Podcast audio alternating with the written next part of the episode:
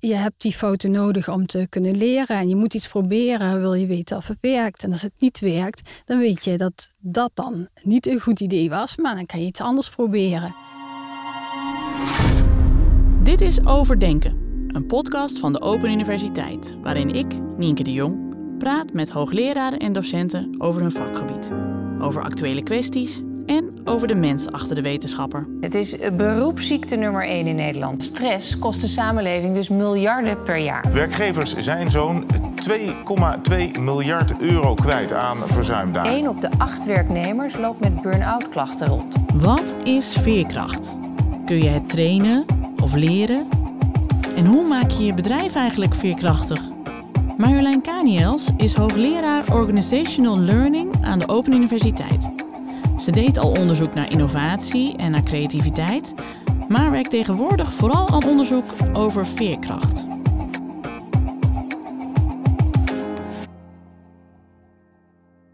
Marjolein, we gaan het vandaag hebben over veerkracht. Maar wat is wetenschappelijk gezien veerkracht? Veerkracht, uh, ja, het gaat over veren, over terugveren. Dat noemen we dan bouncing back. En sommige auteurs zeggen daar ook nog bij bouncing back to better than before. Dus terugveren naar een positie die beter is dan dat je was. En eigenlijk zijn er allerlei eh, karaktereigenschappen die daarbij helpen. Je hebt hoop in goede afloop van zaken, optimisme over hoe het ervoor staat, ook geloof in jezelf, in je eigen kunnen, dat je zaken aan kan. En dan samen met veerkracht heet dat in de psychologie psychologisch kapitaal. En dat is eigenlijk een set van karaktereigenschappen die je hebt van nature en die je kan eh, inzetten om met tegenslagen of teleurstellingen om te gaan. Hoe word je nou veerkrachtig? Ja, dus voor een deel zit dat in de karaktereigenschappen die je hebt meegekregen van geboorte, maar voor een ander deel kun je het ook uh, trainen. En het heeft eigenlijk te maken met hoe je omgaat ja, welk gedrag je vertoont op het moment dat je tegenslag tegenkomt. Uit de psychologie weten we dat je als er iets gebeurt, dan heb je eerst maak je heel snel een inschatting van nou wat gebeurt er en uh, wat moet ik hiermee? Moet ik uh, vluchten? Moet ik vechten? Wat moet ik nou doen? En daarna komt eigenlijk ja, het gedrag wat je vertoont. En dat, dat noemen we uh, coping, een copingmechanisme of een copingstrategie. En er zijn verschillende manieren waarop je met zaken kunt omgaan. En dat kun je trainen, hoe je met een tegenslag omgaat. Oh ja, pakken we even een voorbeeld. Je zit op je werk, je baas zegt: Kom even bij me, ik wil even met jou, uh, moet even met je praten. Je zit tegenover hem en hij zegt: uh, Ja, um, we moeten je contract ontbinden, want uh, we hebben je niet meer nodig. En op dat moment kun je dus verschillende, op verschillende manieren reageren. Nou, waarschijnlijk heb je dus in eerste instantie heb je een, een gevoel daarbij. Dus je denkt van, oh nee, wat gebeurt er? Ja. Uh, misschien denk je van, oh jee, mijn, mijn hypotheek, hoe komt het goed? En de volgende stap kan zijn, oké, maar welk gedrag vertoon ik? Word ik nou boos? Ja, misschien zijn er wel meer mogelijkheden. Moet ik even rustig gaan zitten om na te denken van, nou, als ik nou zonder werk kom, hoe kan ik het nou thuis oplossen? Of misschien moet ik toch nog eens naar die uh, leidinggevende. Is er niet een andere mogelijkheid binnen deze organisatie? En dat is een, een copingmechanisme dat je dus kan leren om eigenlijk een stapje terug te nemen en even na te denken over hoe ga ik hiermee om.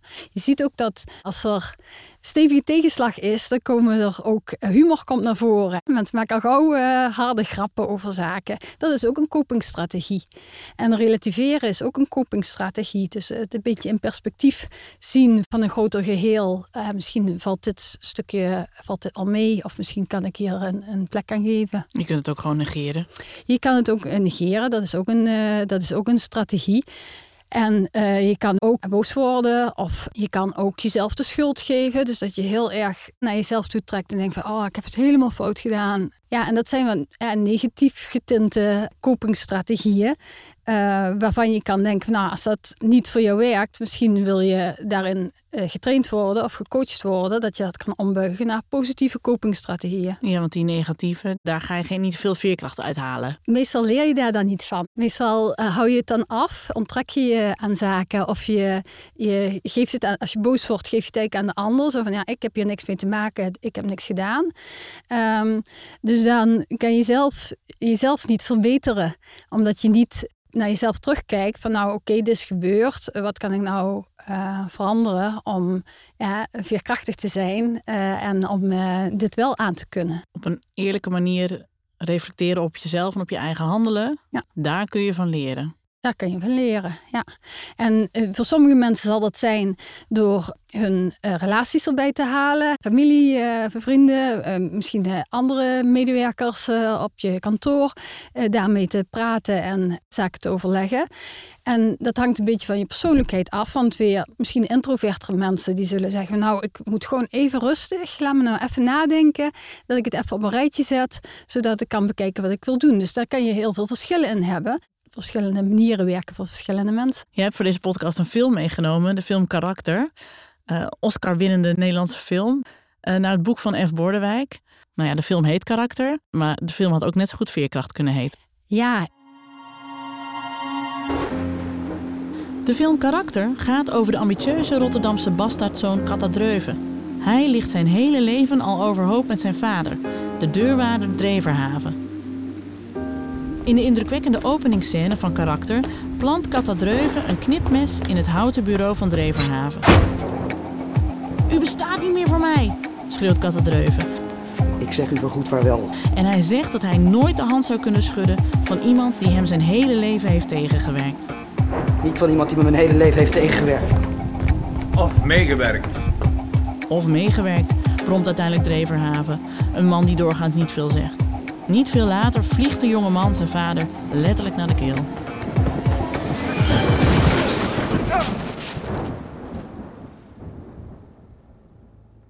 Dreverhaven zit zijn zoon erg dwars. En Dreverhaven zegt, eh, door uh, zo dwars te zitten, wordt je karakter gevormd en word jij er sterker van. Kan dat? Kan iemand zeg maar, door je, hele, je hele leven tegen te werken je eigenlijk helpen?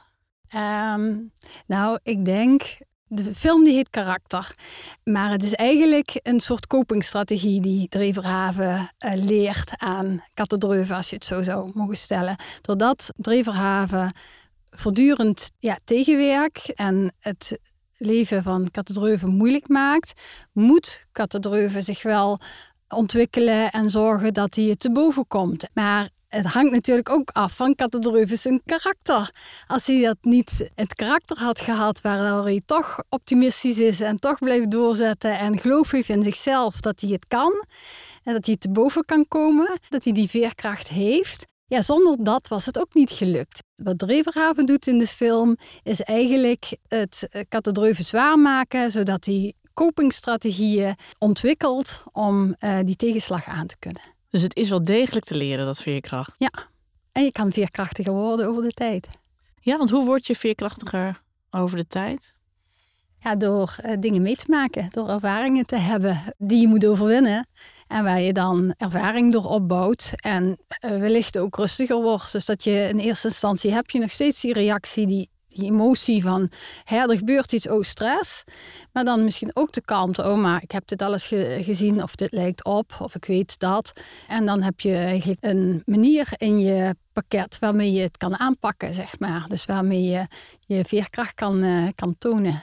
Dus het is echt zo, wat natuurlijk al in honderden liedjes en boeken voorbij is gekomen.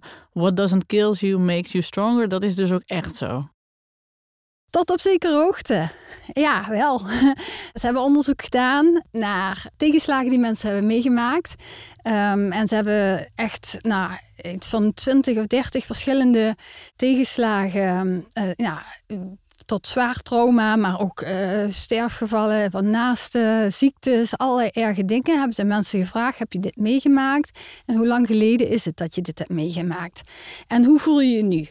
En daaruit kwam naar, naar voren dat mensen die ja, hele erge, intense tegenslag hadden meegemaakt, ja, dat was zo traumatisch. Die zitten vaak nog steeds niet uh, lekker in hun vel, zijn niet gelukkig en die lijden daar nog onder.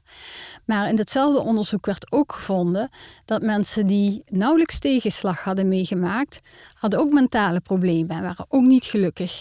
Ze vonden juist dat het de mensen die aangaven die het meest, dat ze het meest gelukkig waren en het beste in hun vel zaten, dat waren juist de mensen die een redelijke mate van tegenslagen en teleurstellingen te verwerken hadden gekregen. Ehm, maar uh, dat dan toch ook alweer te boven waren gekomen. En die voelden zich nu eigenlijk het sterkst. Dus tegenslag helpt omdat het je ervaringen geeft. Het eh, helpt doordat je, je ziet dat er ja, dingen overkomen je of je maakt uh, zelf fouten. Je veroorzaakt misschien zelf de tegenslag. Nou, en daar, daar leer je dan van. Dat is ook de enige manier om zelf te groeien eigenlijk. Om zelf beter te worden en meer aan te kunnen. Dus als je altijd elke tenniswedstrijd wint, dan word je daar psychisch niet per se sterker van. Nee. Uh, als je zo nu en dan flink eens een potje verliest. Is goed voor je. De Verhaven is uw vader. Ik heet hem mijn moeder. U bedoelt, de Verhaven wilde zijn verantwoordelijkheid niet nemen? Nee, dat was het niet. Al van kinds af aan probeert Katterdreuven zich als bastaardzoon van een huishoudster langzaam omhoog te werken door vlijtig te studeren en te werken. Ik ga erom werk vragen. Overmorgen, ik ga daar werken. Op een advocatenkantoor? Ja. Er werken advocaten? Ja. Hoe weet je dat? Ik weet het zeker. Ik ga naar huis, ik moet nadenken. Maar het blijkt nooit genoeg. Tenminste niet als je rijke en invloedrijke vader, die je bijna niet kent, constant achter de schermen aan de touwtjes blijkt te trekken. Was dit een soort opvoeding? Waarom laat jij onze jongen niet met rust? Die jongen, die wurg ik voor negen tiende. En die ene tiende die ik hem laat, zal hem sterk maken. Ja, want als je de film gewoon sec bekijkt, dan denk je wat een vreselijke vader. Hij gaat erg ver in de manier waarop je zijn zoon ja, tot, het, tot het uiterste pusht. Maar ja, het uh, geeft je wel te denken hoe je karakter kweekt en hoe je veerkracht kweekt. Ja, ik wil er nog iets over zeggen, hm. omdat het ook afhangt van het karakter dat een persoon al heeft. Als iemand al niet zo sterk in zijn vel zit en je krijgt dan ook een omgeving, een opvoeding die nog heel erg ja, je tegenwerkt, uh, kan je ook de verkeerde richting uitduwen. Het is altijd een samenspel van persoon en omgeving. Was jij vroeger als, uh, als kind ook zo uh, veerkrachtig? Ja, ik denk dat ik wel veerkrachtig was. Als kind maak je allerlei zaken mee en ook dingen die tegenzitten.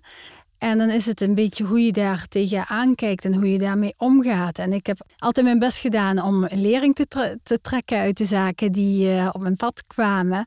En mijn manier van kopen is altijd een, een soort van plan maken. Dus er is me iets overkomen en daar schrik ik dan in eerste instantie erg van. Maar ik weet inmiddels van nou goed, dat schrikken dat is een reactie. Nou, dat heb ik nou eenmaal. En als ik nou even rustig ga zitten en ga nadenken van oké, maar ik wil dit bereiken, dit is gebeurd, uh, hoe kan ik dit nou aanpakken? Dan kom ik daar altijd wel uit. En hebben je ouders die, uh, die nieuwsgierigheid aan jou meegegeven? Ja, dat denk ik wel. Ja, mijn ouders hebben altijd um, ja, mij alle mogelijkheden gegeven om mezelf te ontwikkelen. De omgeving te creëren waarin dat, dat kon. Dat heeft ook een beetje misschien met uh, moedig zijn te maken. Als je iets eng vindt, maar toch doet, dan ben je eigenlijk moedig. Dus probeer het maar gewoon. Als het niet lukt, is niet erg, maar probeer het. Mhm. Ik weet nog goed, uh, toen ik, uh, ik was klein en ik had zwemles. En de zwemleraar die kwam naar me toe en die zei van nou, uh, wil je niet eens in het diepe proberen? Ik zei, oh nee, dat, dat durf ik niet, dat kan ik niet. Dus ik kwam terug uh, naar de zwemles, naar mijn ouders, naar mijn moeder. Toen zei ze van ja, maar als die zwemleraar zegt je kan het eens proberen, dan heeft hij al gezien dat je dat eigenlijk wel aan kan. Dus je moet het zeker eens proberen. Ze houden je goed in de gaten. De volgende les ging natuurlijk in diepe proberen en dat ging ook gewoon. Je moeder liet zien ik heb vertrouwen in jou dat jij dat kan. En de meeste heeft vertrouwen in jou. Dan mag je ook wel zelfvertrouwen hebben in jezelf. Ja, en dat is heel belangrijk. Dat is ook een onderdeel van je, hè, van je psychologisch kapitaal. Van de karaktereigenschappen die je hebt om veerkrachtig te zijn. Nee, je hebt een enorm psychologisch kapitaal van je ouders meegekregen, hoor ik ja, al. Ja, zeker. Ja, je omgeving. Dus je, misschien de opvoeding en de manier waarop uh, in je omgeving uh, wordt omgegaan met uh, gebeurtenissen. Uh, dus als je ziet dat je ouders erg uh, in de stress raken als jij als je als kindje valt, denk je misschien van nou, hè, dit is blijkbaar hoe je daarmee omgaat. Dus als ik val, raak ik in de stress. Dat zou je kunnen overnemen als kind. Dus als je als ouders ja, een omgeving creëert voor die kinderen waarin je zegt het is oké om fouten te maken, je moet dingen proberen, want daar word je beter van. Dan kun je er ook voor zorgen dat je kind misschien iets veerkrachtiger de wereld instapt. Ja, als je als ouder ervoor zorgt dat een kind zich veilig voelt en fouten durft te maken, dat werkt positief door voor de veerkracht van, van een, een kind. Je hebt die fouten nodig om te kunnen leren en je moet iets proberen, wil je weten of het werkt. En als het niet werkt, dan weet je dat dat dan niet een goed idee was, maar dan kan je iets anders proberen. Karakter is per definitie een film over veerkracht.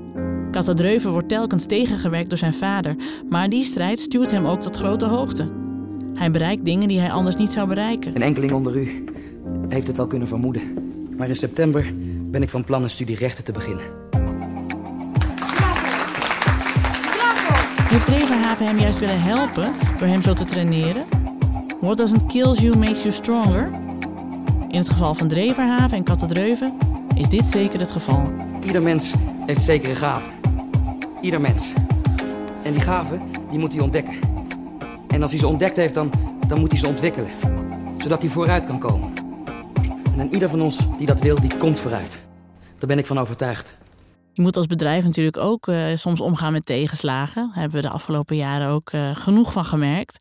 Ook gemerkt dat sommige bedrijven dan veerkrachtiger reageren dan anderen. En, um, hoe word je als bedrijf eigenlijk veerkrachtig? Ja, als bedrijf kun je ervoor zorgen dat je minder ja, risico loopt. Of dat je minder gevoelig bent voor tegenslagen of voor verstoringen zeg maar, uit, uit je omgeving. En dat kun je bijvoorbeeld doen door te kijken van nou wat zijn mijn leveranciers? Uh, ben ik afhankelijk van één leverancier of kan ik dat netwerk uitbreiden, zodat ik minder afhankelijk ben. Je kan ook kijken naar andere afzetkanalen. Dus kan ik klanten aanboren waar ik nog eerder niet aan heb gedacht. Je kan bijvoorbeeld uh, denken aan digitaliseren, een online uh, kanaal openen. Um, en kijken of je zo uh, klanten kan bereiken. En daarmee maak je eigenlijk als, als organisatie uh, meer flexibel, meer veerkrachtig. En dan kun je beter omgaan met, uh, met schokken uit de omgeving. Je wil natuurlijk graag heel veel veerkrachtige medewerkers. Maar ja, hoe selecteer je die? Want die hebben niet zeg maar, bij het sollicitatiegesprek op hun voorhoofd staan: ik ben super veerkrachtig. Maar hoe, hoe merk je dan wel of ze veerkrachtig zijn of niet? Ja, het, beste werkt eigenlijk door te vragen naar anekdotes. Vertel eens iets eh, wat je hebt meegemaakt wat tegenzat. Kan je daar een voorbeeld van geven? En hoe verliep dat uh, toen, dat geval? Als uh, interviewer kan je dan zien van nou, er wordt dus een bepaalde kopingsstrategie gehanteerd. En dat is een strategie die past bij mijn bedrijf. Ja, die werkt hier in, in, in mijn teamsamenstelling. Ja, of niet. Dus daar kan je wel naar polsen eigenlijk. Wat kun je als manager doen om om meer veerkrachten in je team te krijgen? Ja, als manager kan je een, een veilig uh, klimaat uh, scheppen. Mensen dus um, ja, de mogelijkheid hebben om bijvoorbeeld fouten toe te geven. En uh, dan kan je daarover praten. En dan kan je daar als team een oplossing voor verzinnen. En dat vergroot de veerkracht. Want daarmee kun je dus herstellen. Uh, als je als manager een bepaald copingmechanisme hebt om met tegenslag om te gaan, zie je dat ook weer terug bij de werknemers? Of? Als, als manager heb je een voorbeeldgedrag, dus daar moet je bewust van zijn dat de manier waarop jij met zaken omgaat, dat straalt op je medewerkers. Je medewerkers zien hoe je dingen doet en uh, zullen ook uh, dat overnemen en ook zo gaan reageren. Dus als je als manager bij slechte kwartaalcijfers meteen woedend met de deuren slaat, dat zorgt niet voor een veilig werkklimaat, maar dan zorg je er dus eigenlijk ook voor dat je eh, je medewerkers ook allemaal in die, eh, in die stressreactie schieten als er iets fout gaat. Ja, en ja, dat werkt allerlei ja, gedrag in de hand, wat misschien niet allemaal goed is voor, uh, voor je organisatie, maar dat misschien wel zorgt voor goede cijfers. In karakter zijn ook mensen die inderdaad als copingmechanisme met, met de deuren slaan. Toen jij de film had gekeken, uh, welke, welk gevoel bleef er toen bij jou achter over die uh, relatie tussen die twee? Ja, uh, dat is juist. Daarom vond ik het ook zo'n mooie film. Um, je hebt een soort tweestrijd. Je hebt aan de ene kant, denk ik, ik Rutherford zo dwars gezeten. Dat is toch vreselijk. Welke vader doet dat? En aan de andere kant denk je, ja, het is, het is ook wel zo. Juist door al die tegenslag is Katadreuven geworden, is zijn karakter misschien gevormd tot dat tot hoe die nu is. Ja, je weet natuurlijk nooit wat er gebeurd zou zijn als het, niet, als het anders was gelopen. Hè? Ja, je kunt, je, weet- ja, er is nooit een karakter 2 gemaakt waarin, Nee. eh, waarin hij ook alle kansen kreeg, maar niet een vervelende vader had. Dat Nee. snap ik ook. Zijn er nog dingen die jij zelf graag zou willen leren op dit gebied van veerkracht? Heb je, zijn er nog zaken waarin jij denkt van, oh ja, hier, nu, nu zou ik eigenlijk nog anders willen reageren dan ik doe? Of ik zou wel wat agressiever willen zijn of wat losser juist of wat eh, minder gefocust? Ja, qua veerkracht zou ik het niet zo weten. Ik zou wel nog geïnteresseerd zijn in waarom mensen verschillen in hun doorzettingsvermogen. Want het zit er ook een beetje tegenaan. Ik heb voor mezelf het, het gevoel dat ik veel doorzettingsvermogen heb, maar ik zou dat wel verder willen uitzoeken van hoe zit dat nou precies? Waar ligt dat nou aan? Dus we hebben over een paar jaar hebben we weer eh, zo'n podcast en dan gaan we het gewoon hebben over doorzettingsvermogen. Ja, wie weet. Oh, dat lijkt me heel erg leuk. Dankjewel voor dit gesprek. Dankjewel. Dit was Overdenken. Hopelijk heb je er iets van opgestoken. Bedankt voor het luisteren en graag tot de volgende.